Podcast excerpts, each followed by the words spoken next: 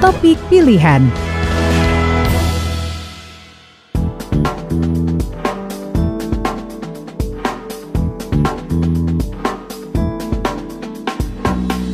Baik Classy People, di masa pandemi, Balai Besar POM Padang mengeluarkan aplikasi pengaduan secara online. Selain untuk meningkatkan pelayanan, aplikasi online ini juga untuk mengurangi masyarakat dan instansi datang tatap muka ke kantor di masa pandemi.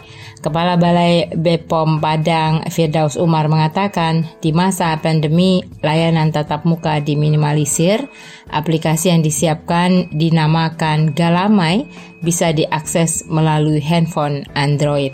Di samping kita meningkatkan pelayanan juga e, mengurangi tatap muka dari e, antara petugas kita dengan e, konsumen. Gitu.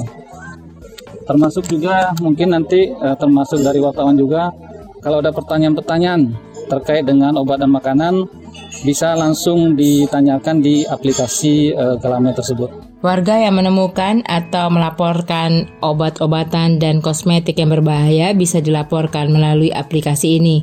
Sasaran aplikasi ini memang diprioritaskan untuk meningkatkan pengaduan dari masyarakat, namun tidak menutup kemungkinan digunakan instansi dan wartawan untuk tanya jawab.